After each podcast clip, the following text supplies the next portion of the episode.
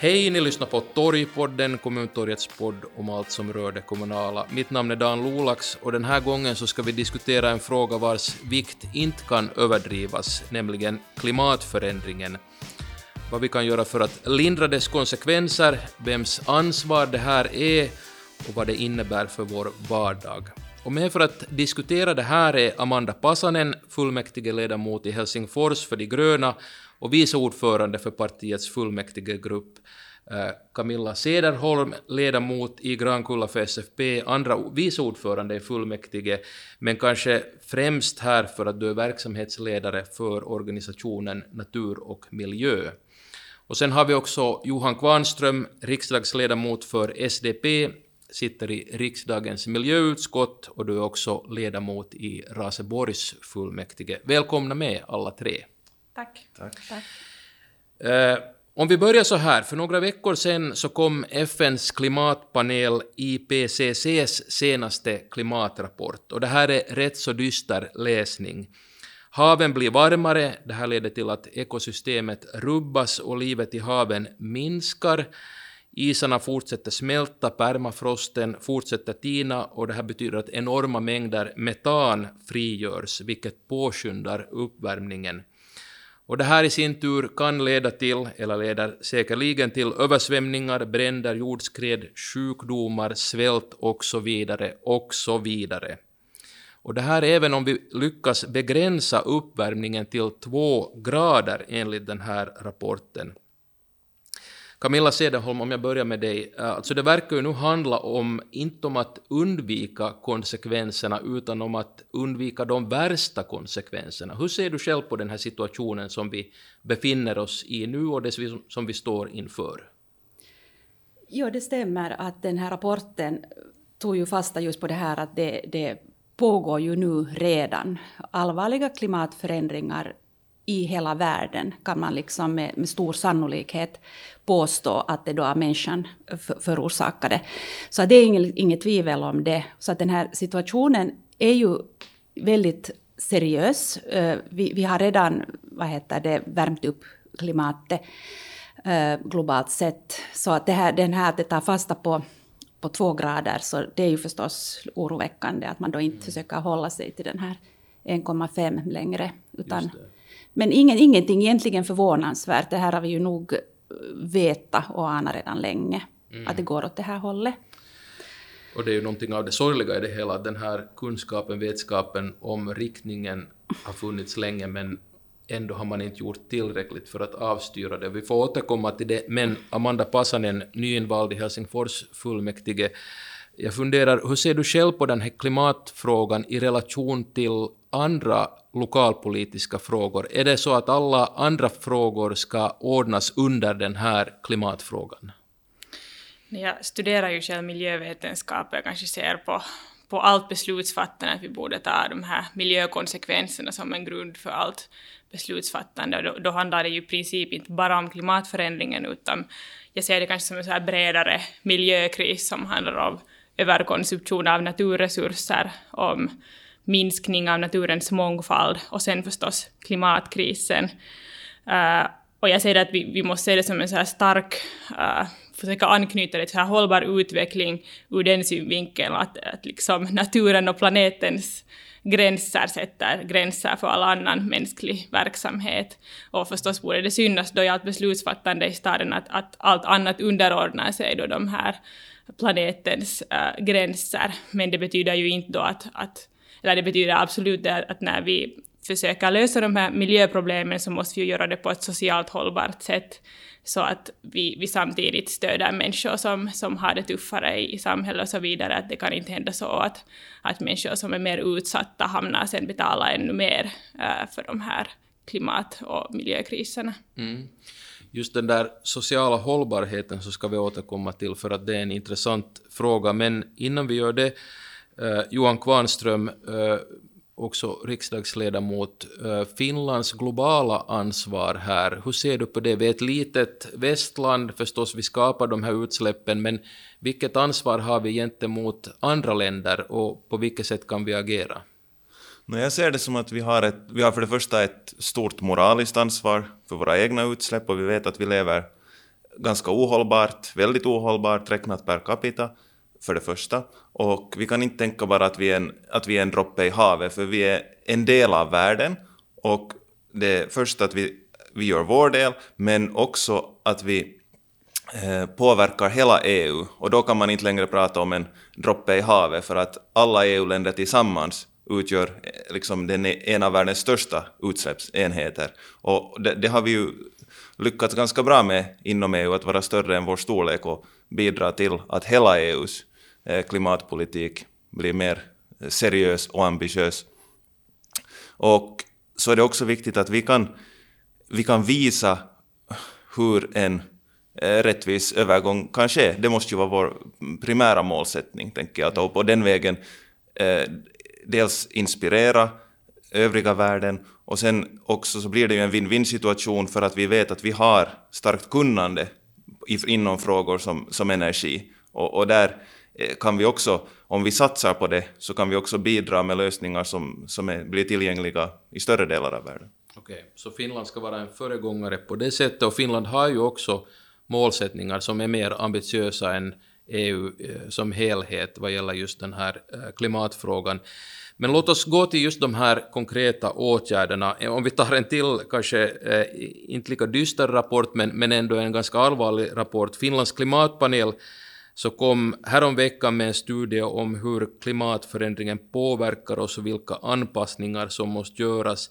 Till exempel kan man läsa i den här rapporten att kustområden i till exempel Helsingfors, Esbo och Lovisa är väldigt sårbara för översvämning.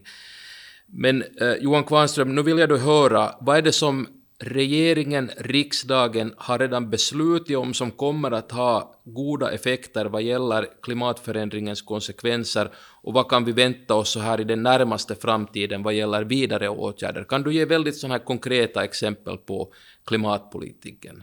För att få ner utsläppen? För att få ner utsläppen. Ja, det, det, det, det första, liksom, det sägs ju alltid att det räcker inte med, ett, med, ett bra, med en bra målsättning om man inte börjar förverkliga den.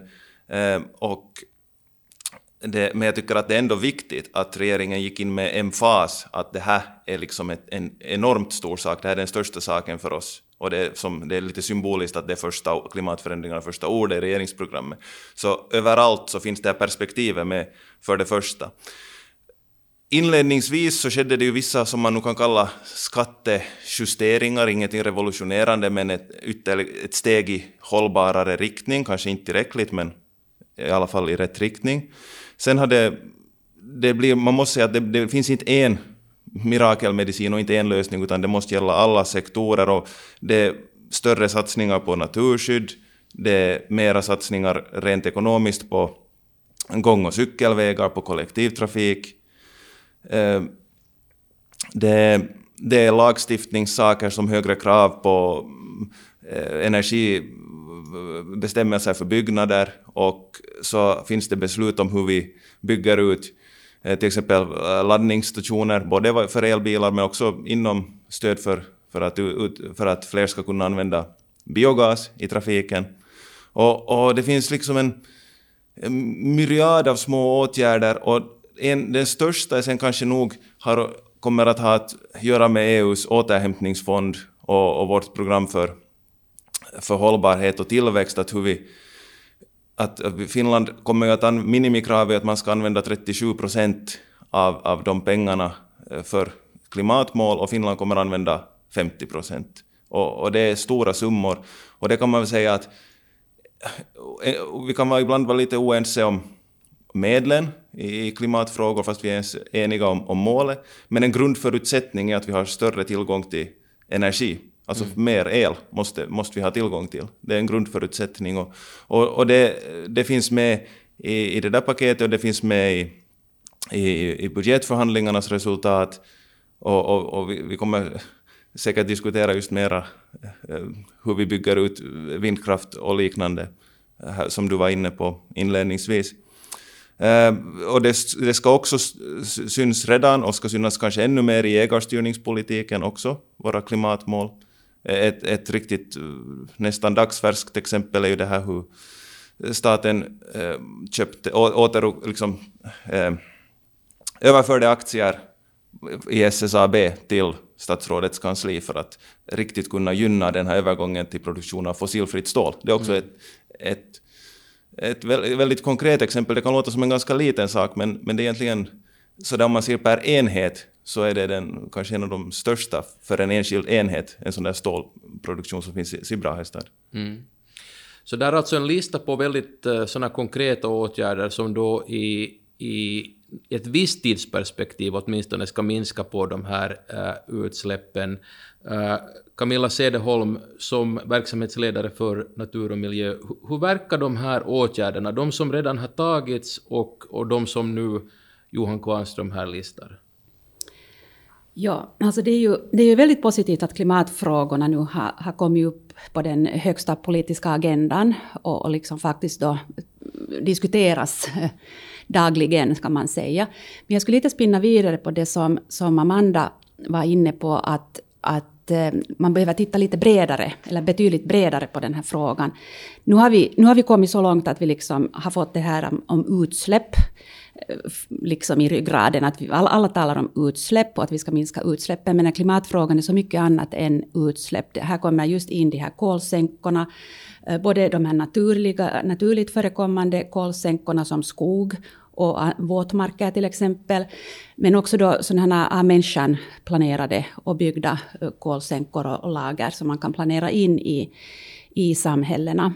Att vi har ju inte riktigt kommit dit ännu att vi skulle se på klimatfrågan ur ett sånt här helhetssystemperspektiv. Och liksom jag väntar på den dagen när, när vi är liksom där och ser det liksom som en sån här eh, som ett helhetssystem som man behöver ta itu med liksom på många fronter.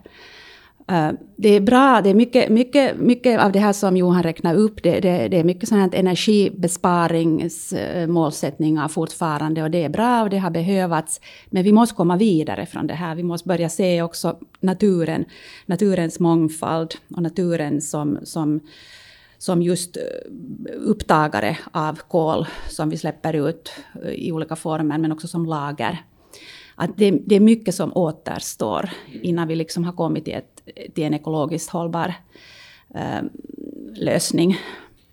Eller lösningar.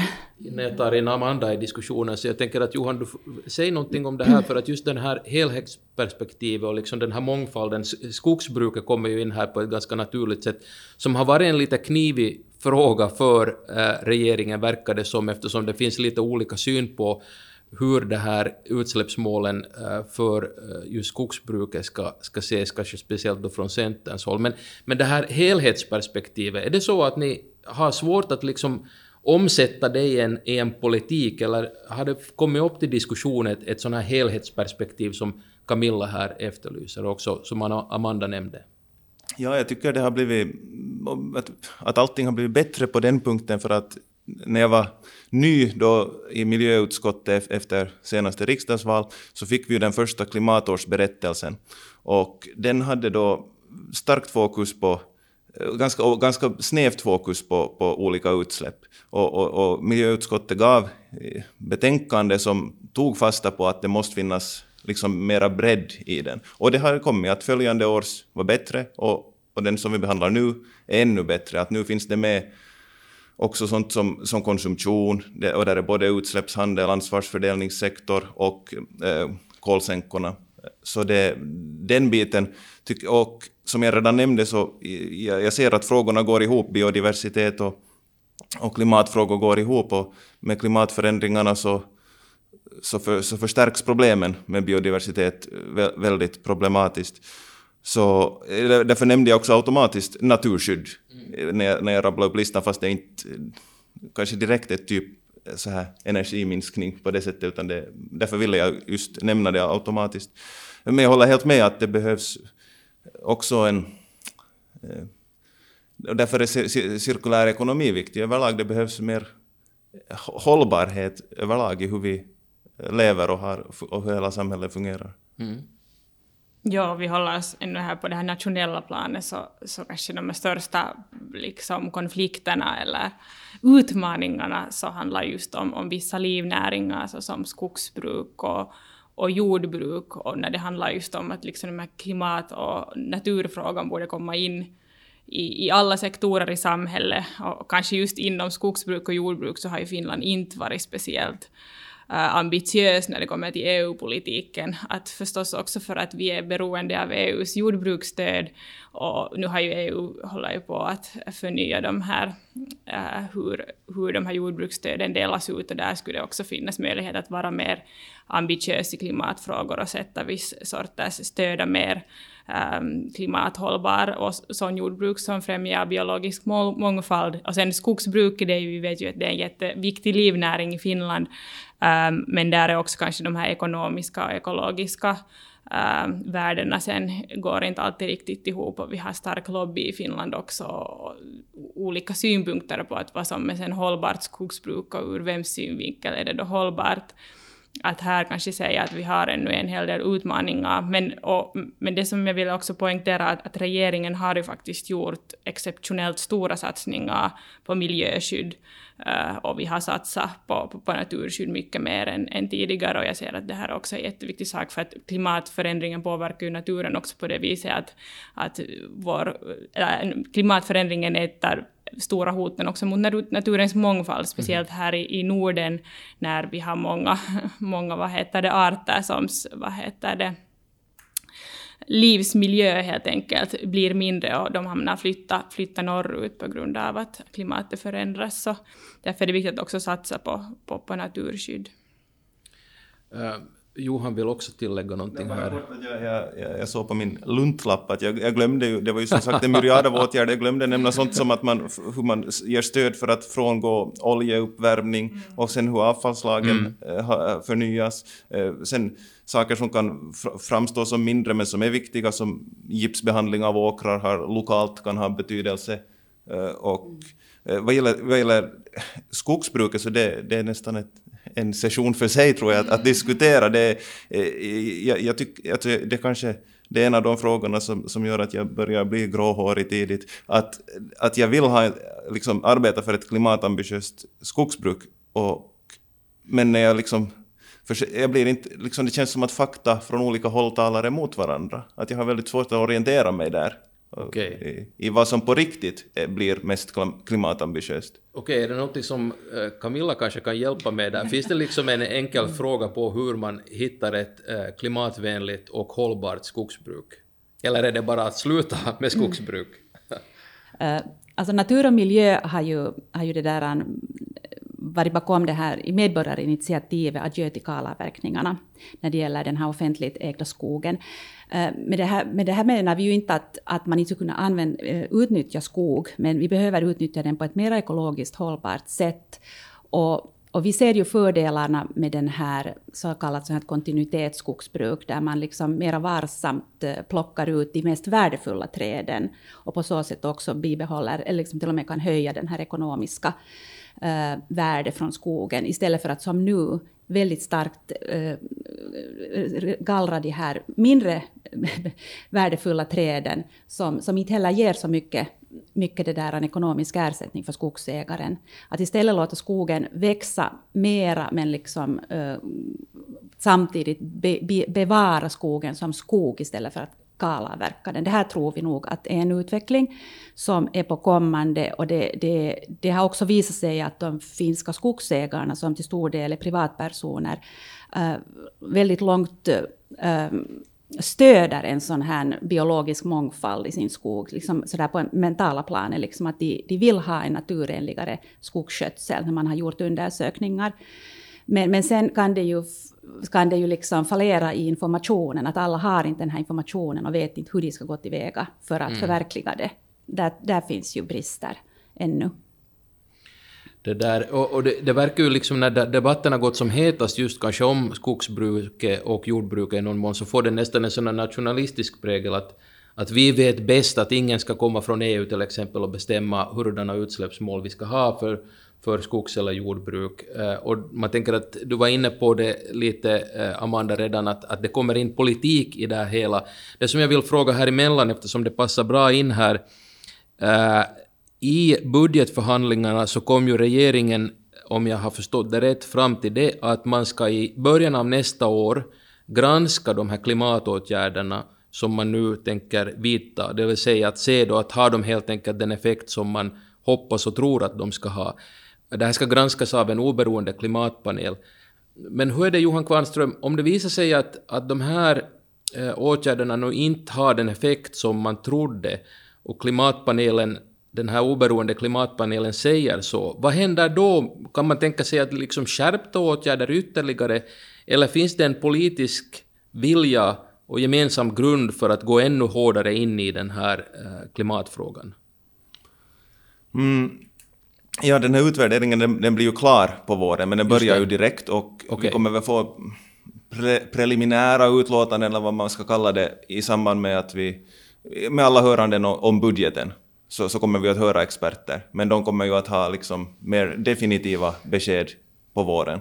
Och, och, så, det, men jag, jag, ser det som att det är helt klart att vi måste vara konsekventa, att om det framkommer att, att de åtgärder som det nu finns beslut om inte räcker till så måste man vidta ytterligare. De här besluten nu är ju beräknade lite, alltså så att det, de är lite i överkant, så det kan ännu ske en viss minskning om man ändå är inom målet. Att, att när man behövde nu fatta beslut om 11 megaton så beslöt man om 14 om jag minns exakta siffror. Och, så det, finns, det kan ju vara att, att panelen säger att tyvärr är det inte 14, det är 11, men då är man ändå inom målet. Mm -hmm. Men om man inte, så jo, då måste man eh, vidta åtgärder ytterligare. Det blir kanske lite, sen hänger det samman med vad som händer i förhandlingarna om hela EU, EUs e lagförslag, det här eh, Fit for 55, för att det är ju som sagt det är bara ett, det är ett stort lagförslagspaket, och, men det är inte någonting som är, som är spikat, utan det är ju någonting som det nu inleds förhandlingar om och de kommer pågå upp till två år. Och det, och det påverkar också vad vi gör nationellt för att det, till exempel att hur mycket utvidgas utsläppshandeln? Mm. Det, det, har liksom eh, konkreta följder för vilka verktyg vi kan ta till var och hur nationellt.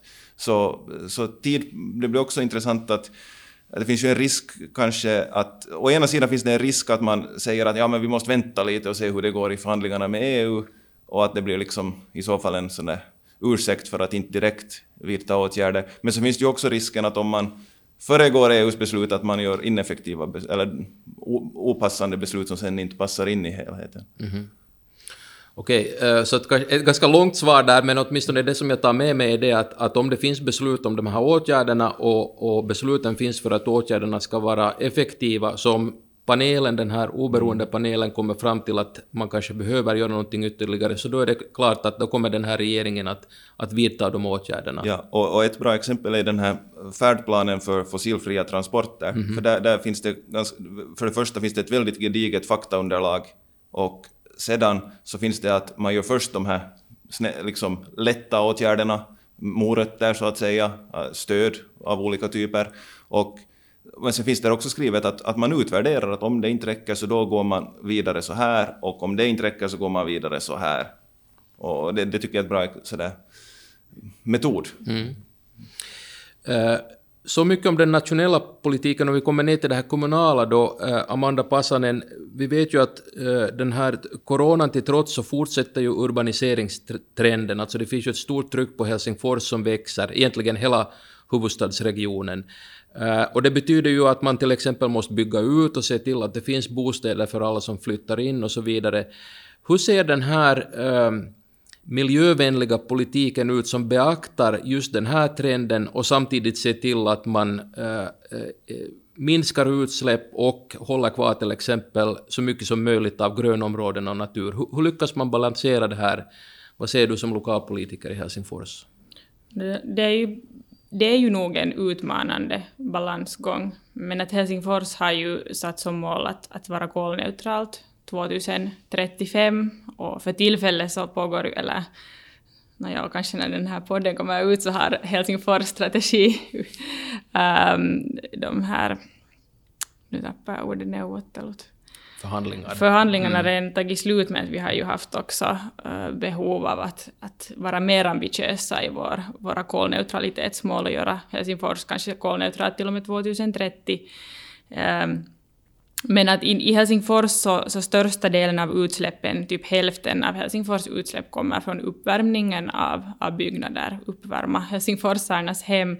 Och där handlar ju den största frågan just att hur vi blir av med, med kolförbränningen och hur vi gör vårt hela fjärrvärmesystem äh, äh hållbart i klimatsynvinkel. Och här hade ju Helsingfors äh, ordnat en sån här tävling, Helsinki Energy Challenge, um, i början av året där, vi där man sökte med sådana här internationella äh, teams deltog där och vi sökte lösningar till att hur gör vi vår fjärrvärme äh, utsläppsfri och, och också liksom mindre beroende av sådana här stora förbränningsanstalter, för att för tillfället så är vårt system ganska centraliserat, det vill säga vi har en stor anstalt som förbränner någonting så att vi får värme, och, och det är ganska svårt att göra det klimathållbart att förbränna saker, så därför så, så handlar det om då en, en stor kavalkad av olika sorters lösningar som har att göra med, med havsvärme, med jordvärme, geotermisk värme, spillvärme från, från industriella anstalter,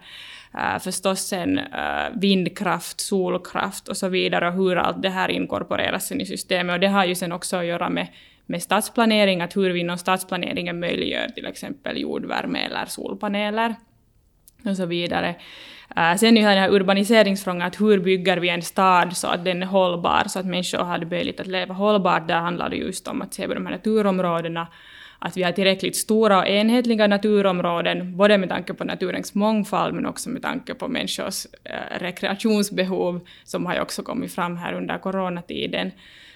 Um, och sen handlar det jättemycket om trafik, att hur människor rör på sig. Hur gör vi en sån stadsstruktur där det är lätt att röra på sig hållbart? Och då handlar det ju om att, att det är lätt att röra på sig gåendes, cyklandes och med spårtrafik och minska då på på så att säga onödig privatbilism. Det finns ju människor som är, behöver använda bil i sin vardag, men sen finns det många människor som också skulle kunna använda sig av andra alternativ och där spelar ju stadsplaneringen en stor roll. Och sen har det också att göra med att hur vi bygger överhuvudtaget, hur får vi det här byggandet så kolneutralt som möjligt. Det går ju enormt med uh, uppstår enorma utsläpp från, från byggmaterial och byggande och där har vi också Helsingfors en en sån här vägkarta för, för uh, cirkulär ekonomi som, som ska då försöka styra det här byggandet att bli mer hållbart. Och kan man vänta sig att under den här fullmäktigeperioden så tas sådana här avgörande beslut just om infrastruktur, byggande, energilösningar och så vidare som kommer att bära fram till det här utsläppsmålet, är det nu sen 2030 eller 2035? Ja, sen har det ju också talats om att vi måste ha ett utsläppsmål för, för nollutsläpp, för att det här kolneutralitet mm. så innebär ju att vi kompenserar det typ 20 procent av utsläppen, så det betyder inte att vi har nollutsläpp det året, så därför måste vi hela tiden kunna liksom blicka uh, vidare. Och just den här fullmäktigeperioden är, är jätteviktig, att vi får gjort de, speciellt de här investeringarna i hållbar energi, som sen liksom påverkar Helsingfors årtionden framöver. Att, att det är många saker så kan man inte göra på ett par års varsel, utan det handlar om investeringar som påverkar liksom i årtionden. Mm. Eh, Grankulla är förstås en något mindre stad än Helsingfors, får man väl säga ändå, eh, Camilla. Men, men hur ser det ut om du tar på dig den här lokalpolitikerhatten för en stund?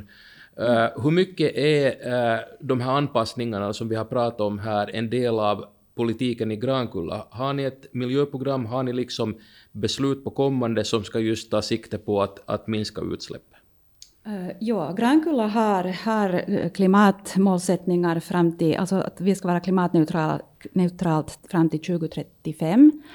Eh, men som Amanda sa, så här ingår ju den här klimatkompensationen de sista åren tills vidare. Och det är det här som man ska vara medveten om, att de kommunernas målsättningar, där ingår den där det är inte nollutsläpp som vi talar om ännu. Och jag tycker också att man borde liksom komma dit att, att, att tala liksom mer om vad gör man sen.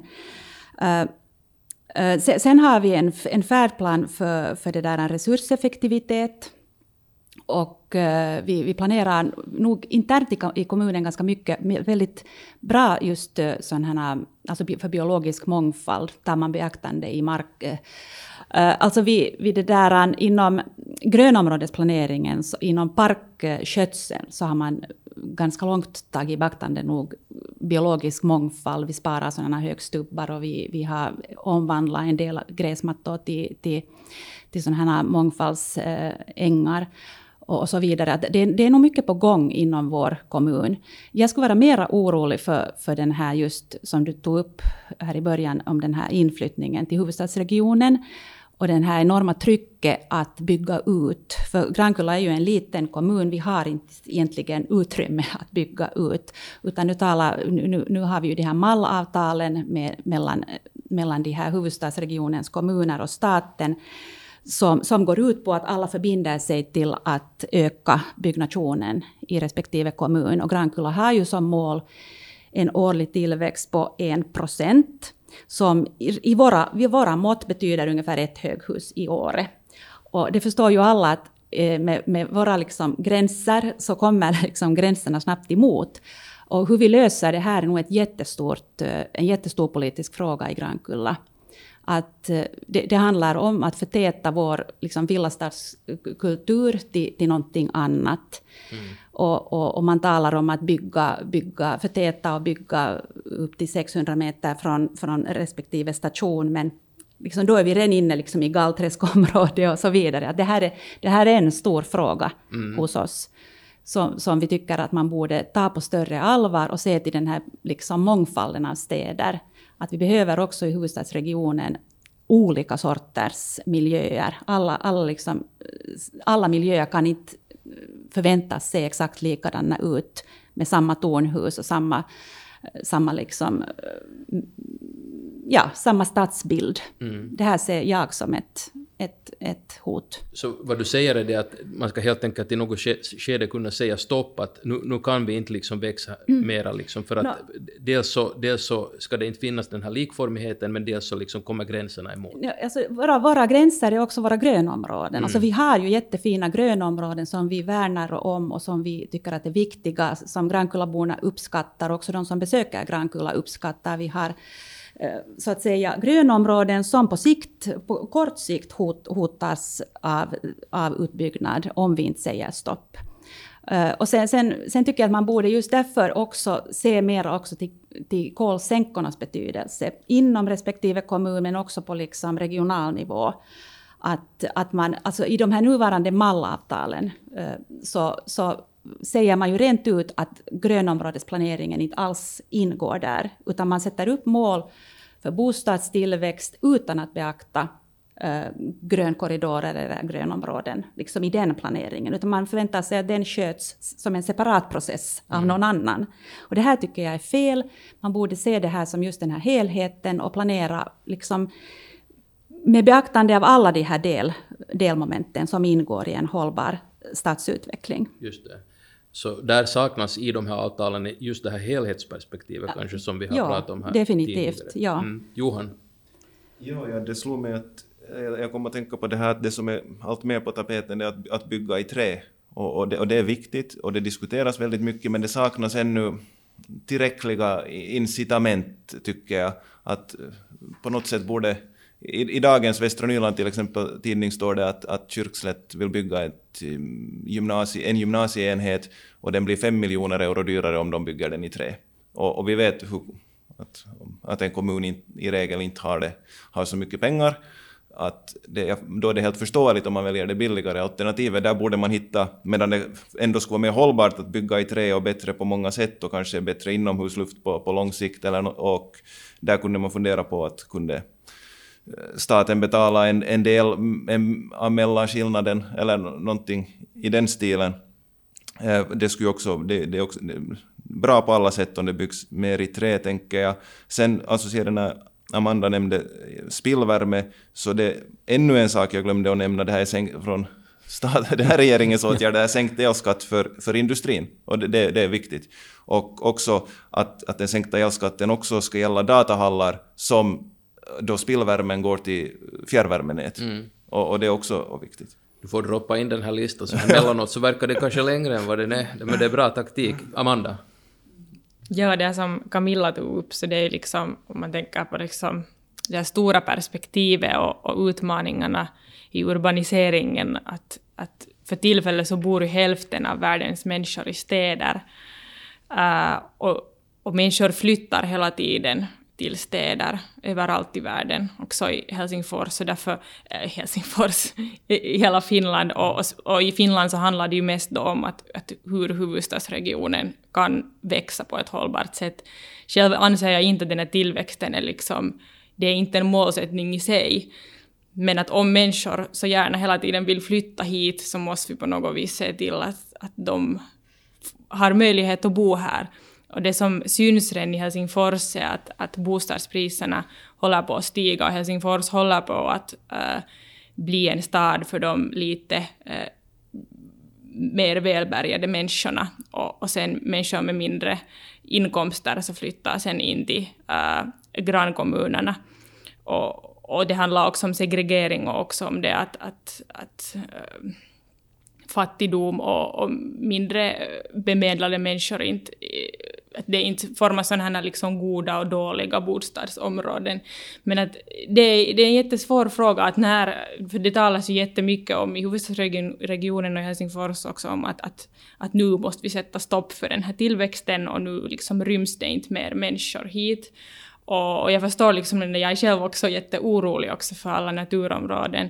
Men att när, när kan vi då säga att, finns, kommer det någon punkt när vi kan säga att det inte mer ryms människor hit? Att Helsingfors till exempel, fast det är Finlands huvudstad, så är rätt så glest bebyggd jämfört med andra europeiska huvudstäder. Vår befolkningstäthet är inte så hemskt hög ännu. Äh, det som vi i Helsingfors försöker göra är att vi försöker bygga tätare äh, nära kollektivtrafikleder, nära nyra nya spårförbindelser. Men det gäller ju också att de grannkommunerna måste vara del av den här utvecklingen.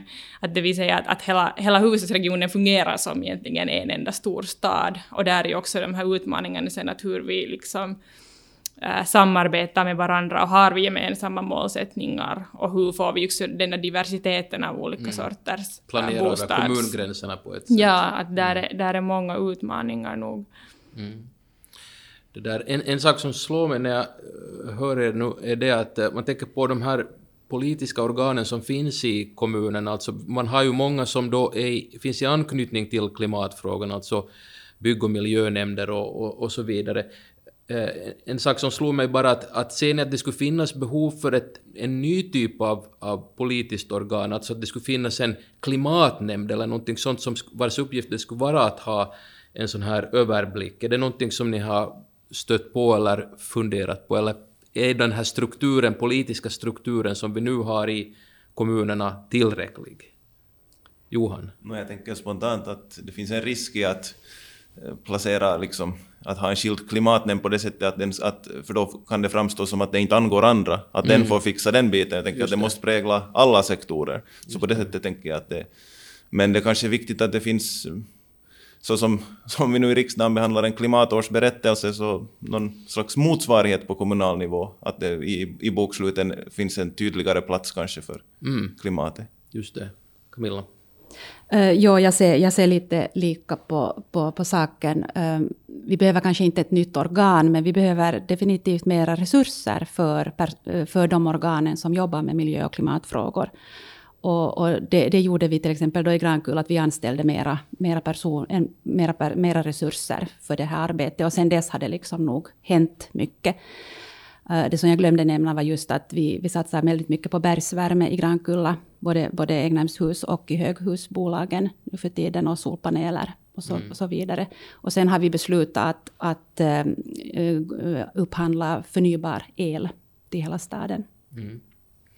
Så konkreta åtgärder där. Uh, hörni, det som jag ännu vill hinna med innan vi avrundar den här podden är det som ni också har varit inne på uh, lite här i diskussionen, alltså det här med eh, en, en social hållbar uh, omsvängning till ett, ett grönare samhälle. Det vill säga att att nu när vi går in för att, att minska på utsläppen och, och liksom värna om vår miljö så får det inte drabba människor på ett ojämlikt sätt och människor får inte hamna i olika ställningar. Vad är det nu som kommuninvånare ska vänta sig? Är det så att, att till exempel man måste bara utgå ifrån att levnadsstandarden kommer att sjunka, saker och ting kommer att bli dyrare, eller vad är liksom det här framtidsscenariet om man tänker just på den här sociala hållbarheten? Amanda, har du några tankar kring det? Vad, vad kan man liksom lova eller vad måste man varna för? Jag kanske anser att det handlar mer om att flytta tyngdpunkten, eh, till exempel då beskattningen görs på nationell nivå, men att det handlar inte om att liksom sänka levnadsstandarden utan att till exempel flytta tyngdpunkten på, på beskattning till att beskatta till exempel miljöskadlig verksamhet och sen använda de där pengarna som man får in av det eh, för att jämna ut de där sociala ojämlikheterna om, om det finns en risk för att det ska uppstå sådana. Men att därför anser jag att med alla klimatåtgärder så måste man alltid uh, se till att det utvärderas, att hu, hur denna påverkningar de här åtgärderna har på, på sociala aspekter på olika äh, människogrupper och speciellt då på de mest utsatta i samhället. Och därför, därför så kan inte, vi kan inte göra miljö och klimatpolitik utan att ha en stark socialpolitik. Och, och det, det borde bara alltid vara med i allt beslutsfattande. Mm. Och det finns med i regeringens äh, planer också, Johan. Alltså dels kanske just den här Eh, beskattningen av sådan verksamhet som, som drabbar miljön, men också den här medvetenheten om att omställningen måste vara socialt hållbar. Men hur finns den med? Kan du säga något mer om, om det?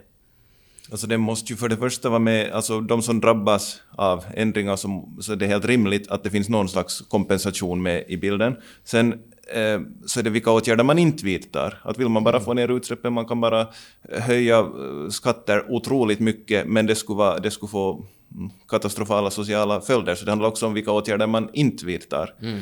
Eh, sen tänker jag på ett, när du sa att om levnadsstandarden blir sämre, alltså jag tycker det finns Alltså det var, vi började med den här rapporten som du började med att nämna, mm. så den är väldigt dyster och vi vet att, att det ser, scenarierna ser inte så så, så min, min, de är väldigt dystra. Men den här, den här övergången, omställningen, så den möjliggör ju nog bättre levnadsstandard, säger jag det som. Liksom renare miljö, bättre teknik, mer effektivitet. Att det finns stora möjligheter där att eh, jag menar, vi får renare luft i städerna. Redan en sån sak måste ju ses som, som positivt. Jag tänkte, sen är det viktigt att vi möjliggör att folk kan göra hållbarare val i vardagen. Att det, idag är det till exempel, det finns flera människor som, som, som tankar sin bil med biogas i Lojo för att det finns en tankningsstation där. Men om man inte gör det i Raseborg ännu, så länge det, för att det inte finns, den dagen det finns, så, så tror jag att fler raseborgare kommer att konvertera sin bil. Så det handlar om tillgängligheten helt ja, enkelt? Ja, det också. Mm. Ja. Uh, hållbara val, hur ser uh, natur och miljö på det här, liksom, de här alternativen som finns för människor att leva hållbart? Är det just, handlar det just om tillgänglighet och hur mycket handlar det om att man måste övertyga eller förklara för människor hur viktigt det är att man anpassar sin livsstil på ett hållbart sätt? Uh, nu är det ju fortfarande lite både och, men alltså nu har ju den här miljömedvetenheten ökat alldeles massor i vårt samhälle. Att nu handlar det ju mycket om tillgänglighet, skulle jag också säga. Att det gäller att skapa, skapa för samhället att skapa de här möjligheterna för människor att leva hållbart. Och, och, som Johan sa, så, så det intressanta är just det där att, att också, vad, vad är det man låter bli att göra, hur påverkar det människor i framtiden? Att, att till exempel nu när vi talar om befolkningstillväxten i huvudstadsregionen så, så nu är det ju också viktigt då att vi har naturen nära människorna. Naturen är otroligt viktig för människans välbefinnande. Att, att det här får man ju inte glömma bort. Och, och hur, hur liksom också den byggda miljön, att vi bygger mera i trä, är ju en väldigt viktig sak med tanke på människors hälsa. Och, och att vi bygger miljövänligt överlag.